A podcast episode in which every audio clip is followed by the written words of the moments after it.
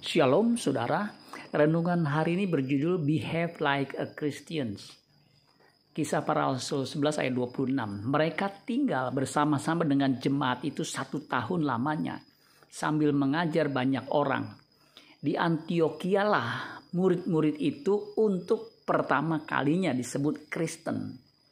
Istilah Kristen pertama kali muncul di Antioquia Kristen adalah julukan atau sebutan untuk pengikut Kristus.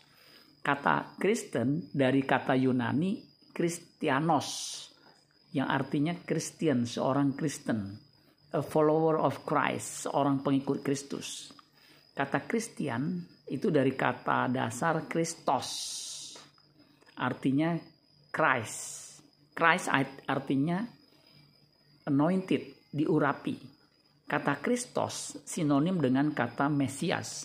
Mesias itu bahasa Yunani bentuk dari Mesia, Mesia dari kata Ibrani Masiah. Artinya sama, yang diurapi. Christ was the Messiah, the Son of God. Kristus adalah Mesias yang diurapi anak Allah. Jadi pengikut Kristus adalah orang yang hidupnya seperti Kristus.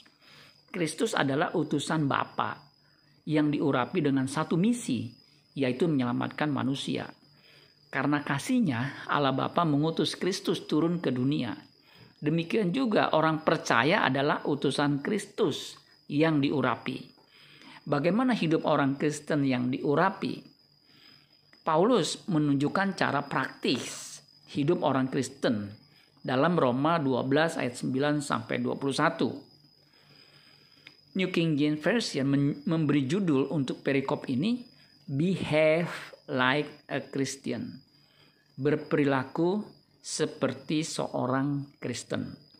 Inti perilaku seorang Kristen adalah hidup dalam kasih sebagaimana Allah adalah kasih.